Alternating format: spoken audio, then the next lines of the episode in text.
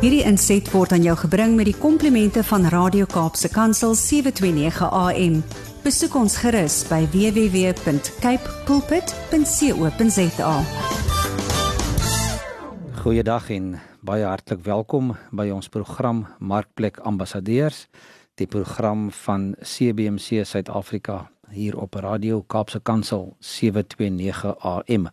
Ek is Harm Engelbrecht van CBC Suid-Afrika en dit is my voorreg om hierdie program aan te bied en 'n bietjie met julle te gesels oor ambassadeurskap in die markplek.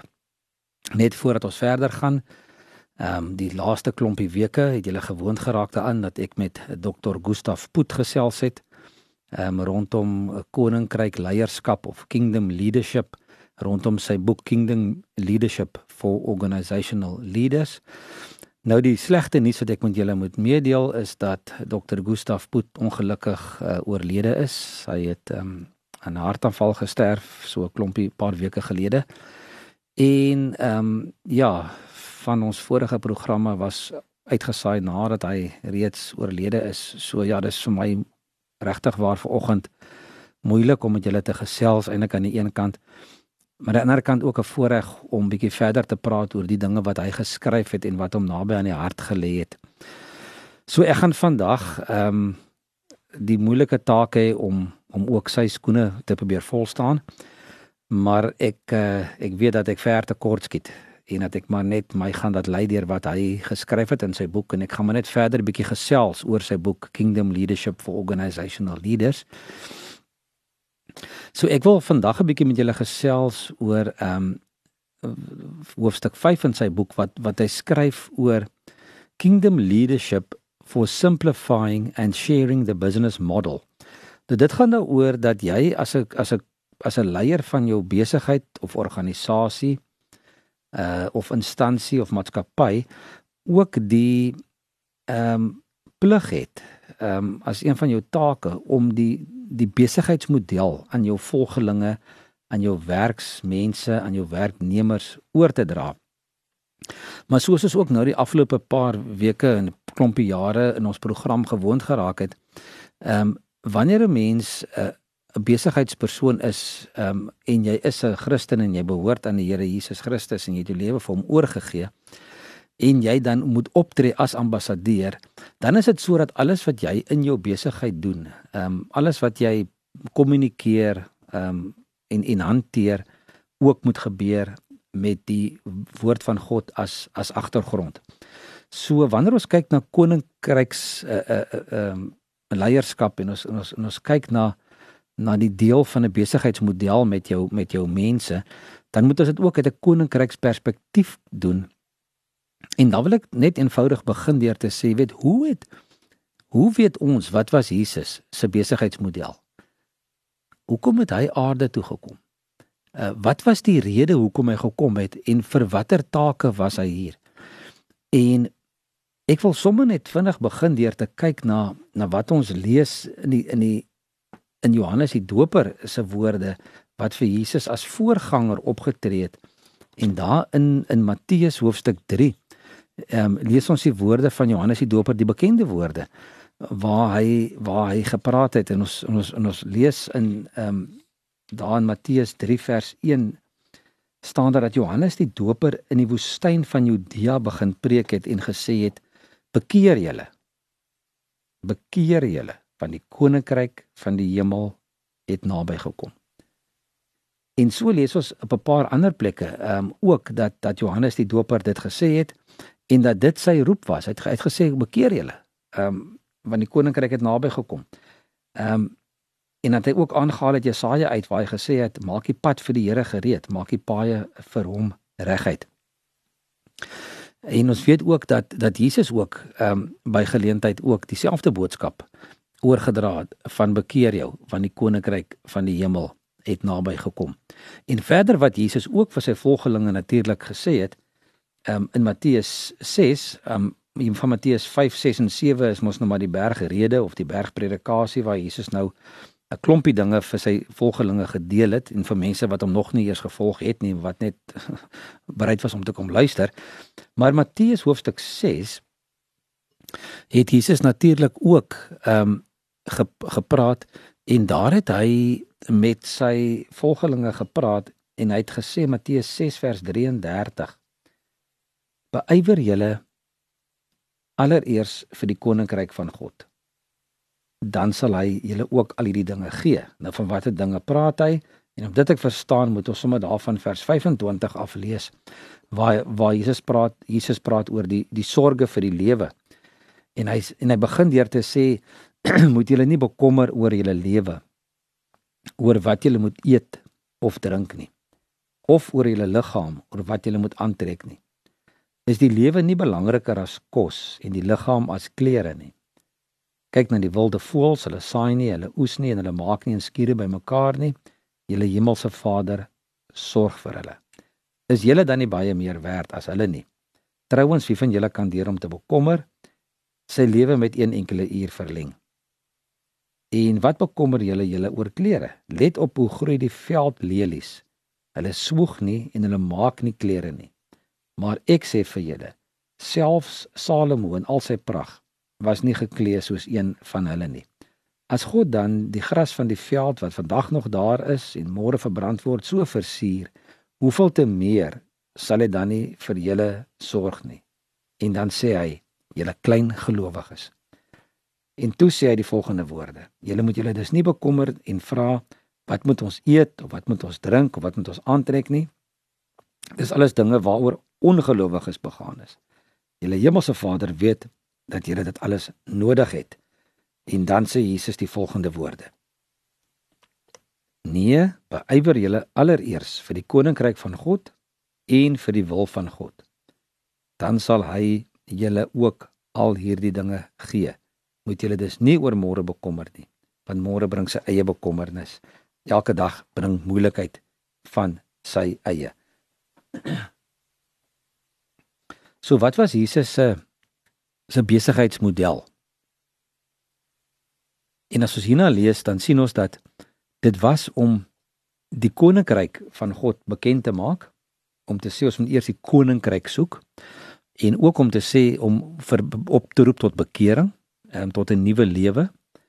En dan natuurlik ook in Lukas hoofstuk 8, ehm um, vers 1, lees ons die volgende woorde wat wat wat Jesus gesê het waar hy met ehm um, die mense praat en dan sê hy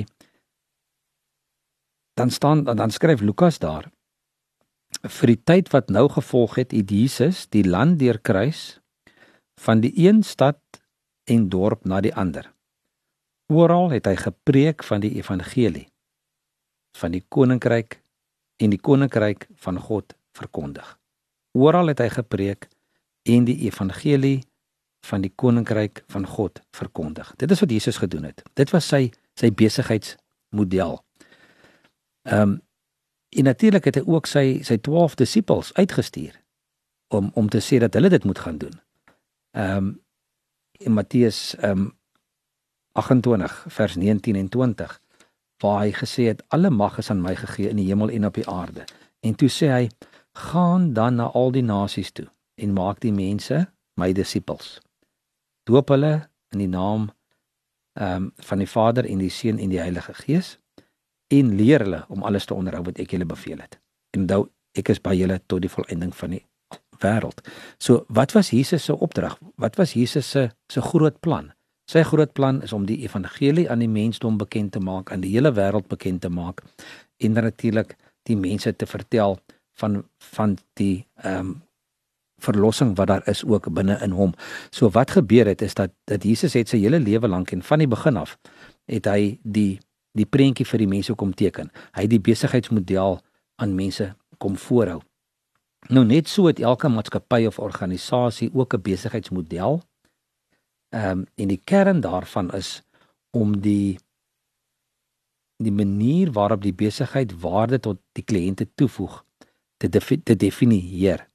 En ehm um, as ek nou die woorde van Dr. Gustav Put moet lees wat hy geskryf het in sy boek, hy sê the business model prescribes how and what kind of value we create. How we will take the value we create to the market and how we will convince the potential users or beneficiaries of the offerings of the value that it can add to them. And finally, how we can persuade them to pay us a fair price for the value that we add to them. So die besigheidsmodel is doeteenvoudig om te sê wat gaan ons vir ons kliënte aanbied en wat gaan dit hulle kos? En hoe gaan ek dit aan hulle kommunikeer dat hulle besef dat hulle 'n waarde kry wat koste doeltreffend is en wat die geld werd is wat hulle vir ons betaal. En dit is presies wat Jesus kom doen het. Hy het van die begin af kom sê wat sy wat sy missie is. Ehm um, en hy het vir sy disippels ook gesê, "Volg my en ek maak julle vissers van mense." So hy het baie duidelik ook van die van die begin af ehm um, duidelik gemaak wat sy wat sy model is en wat sy besigheidsmodel is. Maar kom ons kyk gou weer terug na 'n organisasie of 'n maatskappy. Ehm um, die uitvoering van die besigheidsmodel is eenvoudig die resultaat van al die aktiwiteite wat binne in die organisasie gebeur. En dit behels dan dat dit daagliks duisende besluite geneem word, dat daar prosesse is wat gevolg moet word En dis daarom ook baie belangrik dat almal wat in die organisasie is dit behoorlik moet verstaan.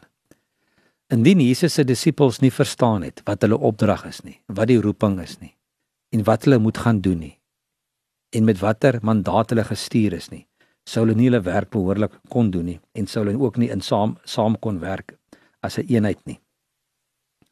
Maar die besigheidsmodel behels dat ehm um, almal moet verstaan waaroor dit gaan Dis die resultaat van die aktiwiteite binne die organisasie. So dis belangrik dat almal in jou organisasie dit behoorlik moet verstaan en werknemers moet ook die die groot prentjie sien en verstaan. Ehm um, werkers kan baie maklik uh, verstrengel raak ehm um, binne in detail. En en ons as as as volgelinge van die Here Jesus raak ook baie keer verstrengel in detail en ons vergeet van die groter konteks, die groter prentjie van dinge.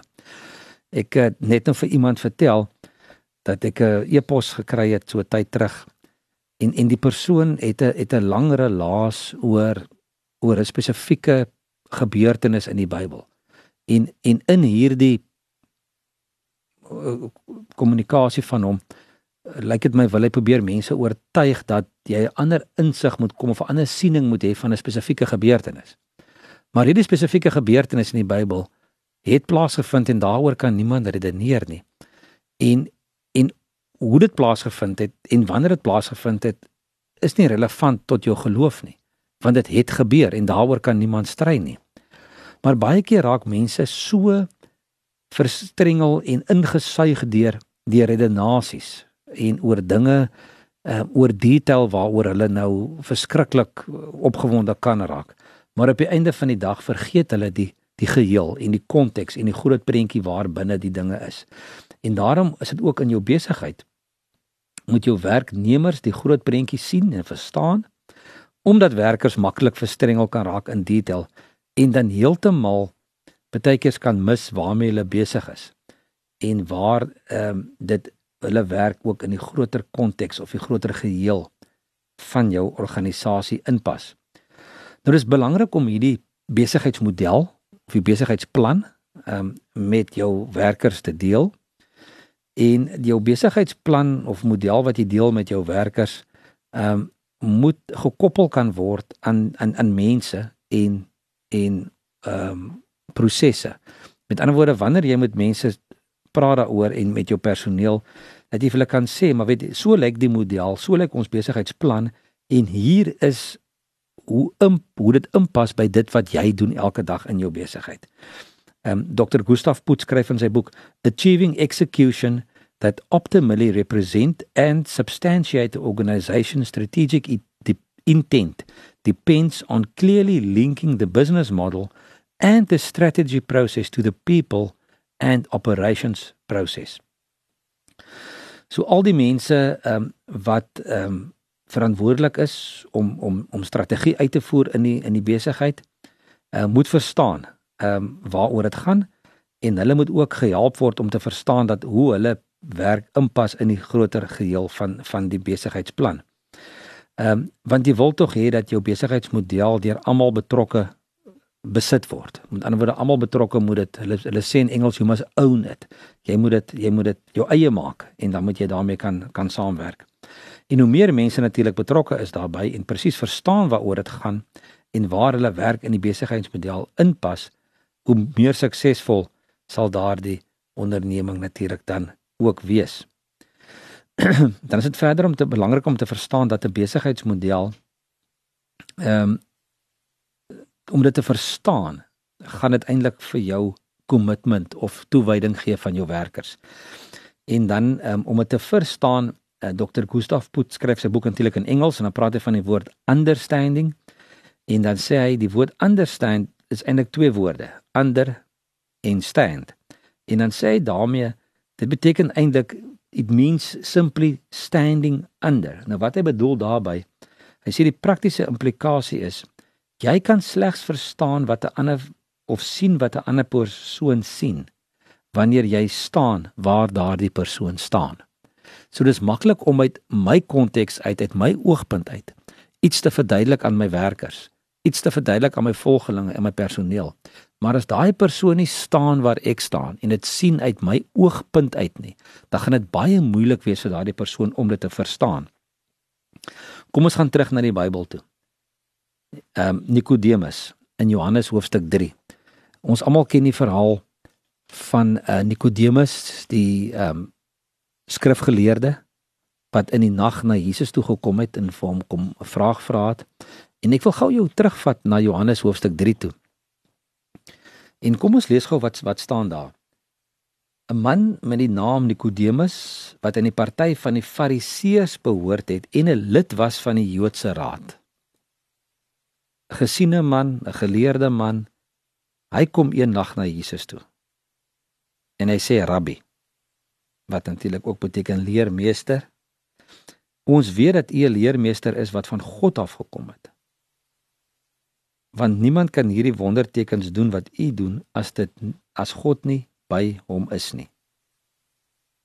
Toe sê Jesus vir hom: Ek verseker jou, as iemand nie opnuut gebore word nie, kan hy die koninkryk van God nie sien nie. As iemand nie opnuut gebore word nie, kan hy die koninkryk van God nie sien nie. Nou daar's verskillende maniere hoe mens ook hierdie kan verstaan. Maar kom ons kyk 'n oomblik net na die woord koninkryk van God en die woord sien en weergebore. Ehm um, in effek wat Jesus vir Nikodemus sê is as jy nie 'n totaal ander perspektief kry deur weergebore te word nie, gaan dit vir jou onmoontlik wees om te staan waar Jesus staan en die dinge te sien wat Jesus sien om die realiteit van die koninkryk te sien. So een van die groot uitdagings van 'n organisasie of vir organisasieleiers is om hulle volgelinge te help om ook die groot prentjie te sien. En en ook van die besigheidsmodel se groot prentjie te sien. En sodat hulle kan verstaan waar dit inpas en wat dit beteken in die organisasie se konteks en wat en wat dit beteken vir hulle self as individue. So die leier het nodig om sy of haar volgelinge te kry om te staan waar hy staan, om te sien uit sy perspektief sodat hy kan ehm um, dit heeltemal verstaan en dit daai oogpunt sien en dan ehm um, dit ook kan doen wat van hom verwag word. Ja, en so mee kom ons alweer aan die einde van vandag se program, uh Markplek Ambassadeurs, uh, hier op Radio Kaapse Kansel. Dit was weer eens vir my 'n voorreg um om met julle die paar waarhede te deel um van Dr. Gustav Put uit sy boek um Kingdom Leadership for Organizational Leaders. Ons ehm um, as alles goed gaan dan praat ons weer volgende week verder. En as jy enige navrae het ehm um, oor die dit waaroor ons praat op hierdie program of oor CBMC wil weet, kontak my gerus. Uh, my e-posadres is admin@cbmc.co.za. Ons groet julle tot volgende keer. Totsiens. Hierdie inset was aan jou gebring met die komplimente van Radio Kaapse Kansel 729 AM. Besoek ons gerus by www.cape pulpit.co.za.